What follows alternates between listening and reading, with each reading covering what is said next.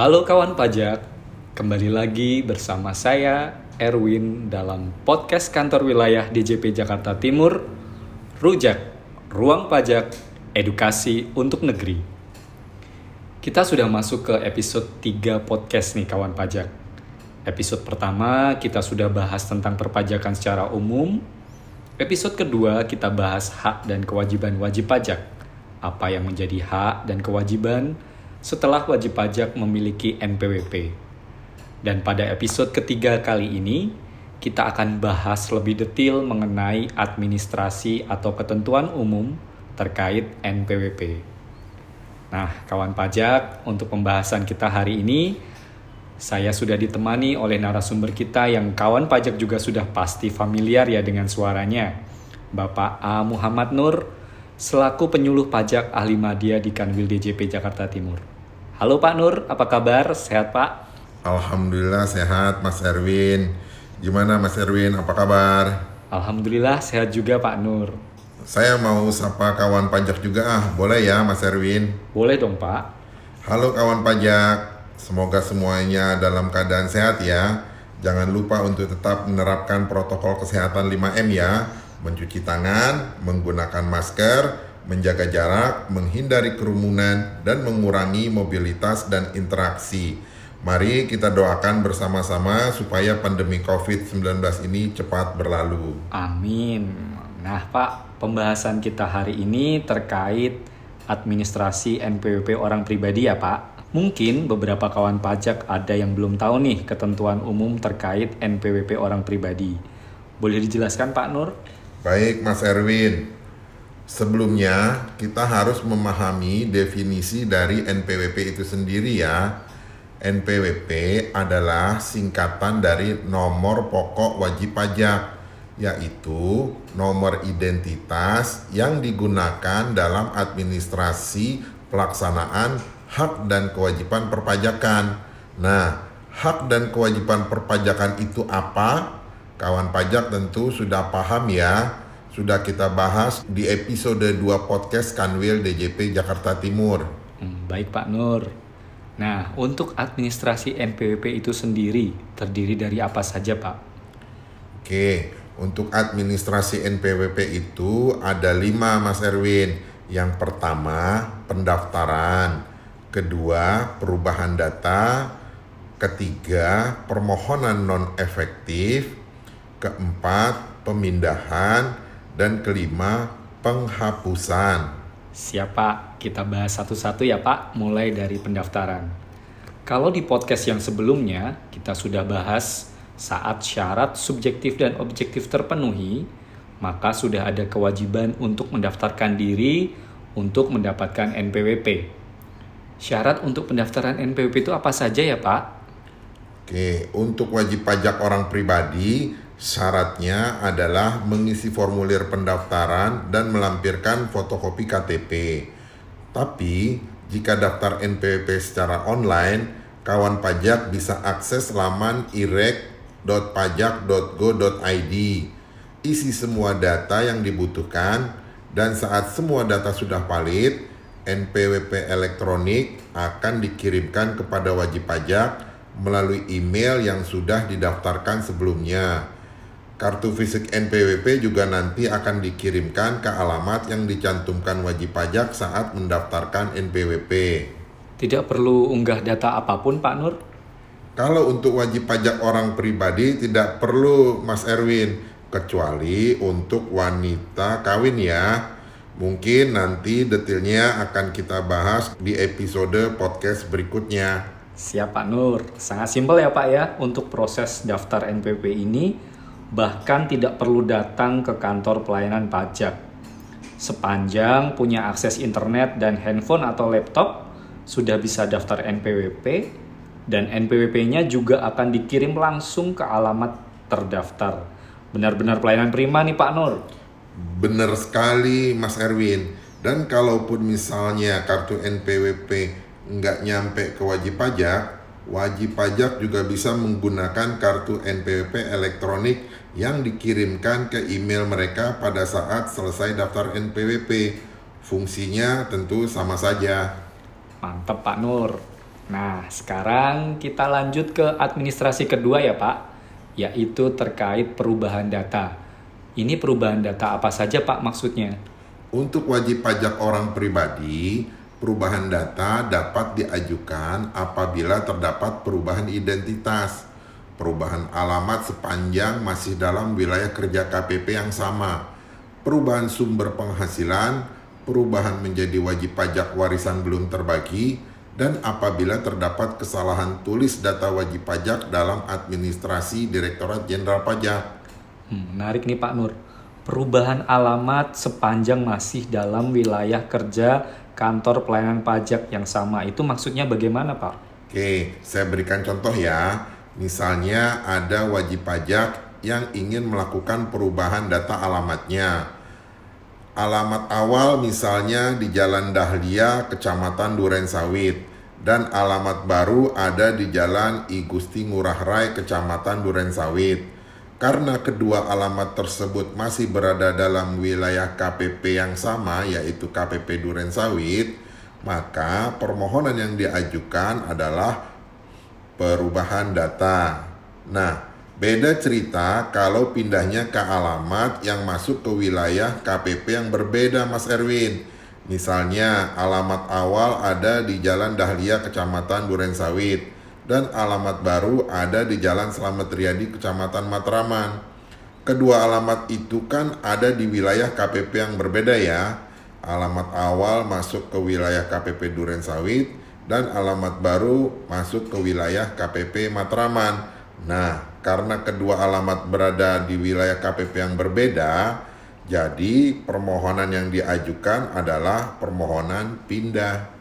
Baik Pak Nur, gamblang sekali ya penjelasannya.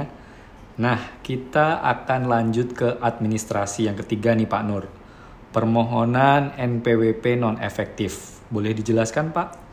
Baik Mas Erwin, sederhananya wajib pajak non efektif ini adalah status non aktif sementara dari wajib pajak. Non aktif karena apa?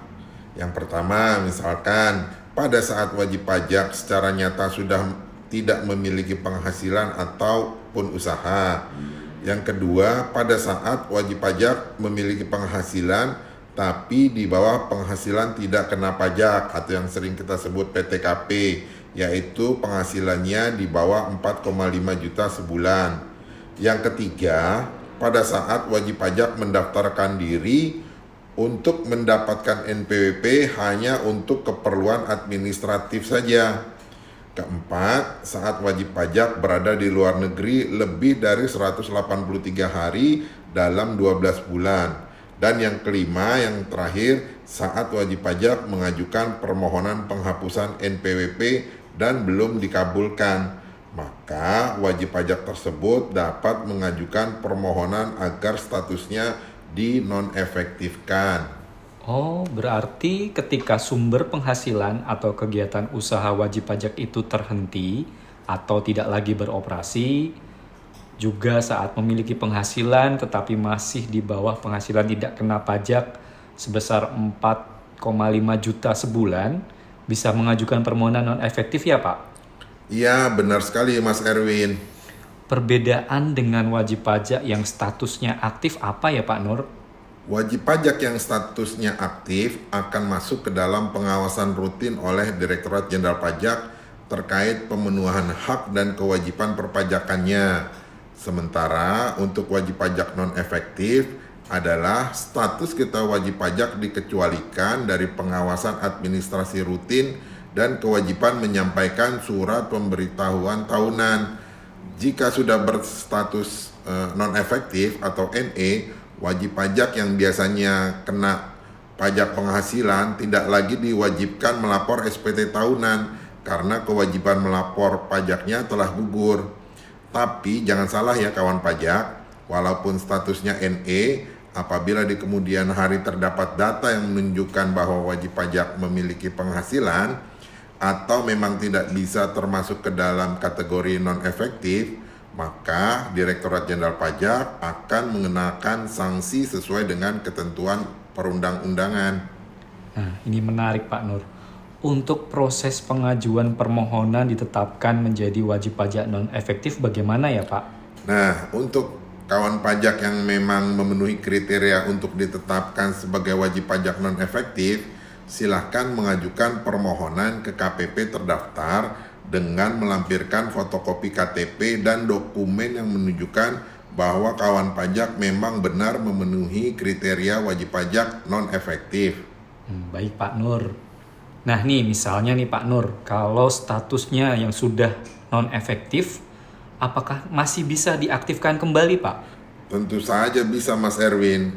Kawan pajak hanya perlu mengajukan permohonan pengaktifan kembali wajib pajak non efektifnya tentunya dengan melampirkan dokumen yang menjadi bukti bahwa wajib pajak sudah memiliki penghasilan yang menjadi syarat objektif dari wajib pajak. Baik Pak Nur, terima kasih penjelasannya. Sekarang kita ke administrasi selanjutnya ya Pak, terkait pengajuan pindah. Boleh dijelaskan Pak, kapan wajib pajak dapat mengajukan permohonan pindah? Seperti yang sudah saya jelaskan tadi Mas Erwin, kalau misalnya alamat baru wajib pajak ternyata berada di wilayah KPP yang berbeda dengan alamat lama, maka wajib pajak mengajukan permohonan administrasi pindah dan saat ini untuk permohonan pindah dapat diajukan di KPP baru nih Mas Erwin, nggak harus diajukan di KPP yang terdaftar. Maksudnya gimana ya Pak Nur ya? Jadi begini, untuk semua administrasi NPWP kan pengajuannya itu ke KPP terdaftar. Khusus untuk permohonan pindah, untuk memfasilitasi wajib pajak yang pindahnya jauh dari alamat lama, permohonan pindah itu bisa diajukan di KPP alamat baru.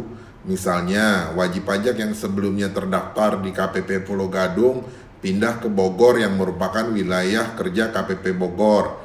Nah, wajib pajak itu tidak perlu harus kembali ke KPP Pulau Gadung untuk mengajukan permohonan pindahnya saat ini wajib pajak dapat langsung mengajukan ke KPP Bogor saja. Dan setelah proses pemindahan selesai, NPWP dengan alamat baru dapat dikirimkan ke alamat wajib pajak yang ada di Bogor. Wah, sangat memudahkan sekali ya Pak Nur ya. Betul sekali Mas Erwin. Hmm, baik Pak Nur. Sekarang kita bahas terkait administrasi NPWP yang terakhir ya Pak, yaitu tentang penghapusan NPWP. Kapan nih Pak Nur kira-kira NPWP dapat dihapuskan? Oke, baik. Untuk wajib pajak orang pribadi, NPWP dapat dihapuskan apabila telah meninggal dunia dan tidak meninggalkan warisan atau pada saat meninggalkan Indonesia untuk selamanya. Sedangkan untuk wanita kawin yang memilih untuk melaksanakan hak dan kewajiban perpajakan digabung dengan suami, juga dapat mengajukan permohonan penghapusan NPWP.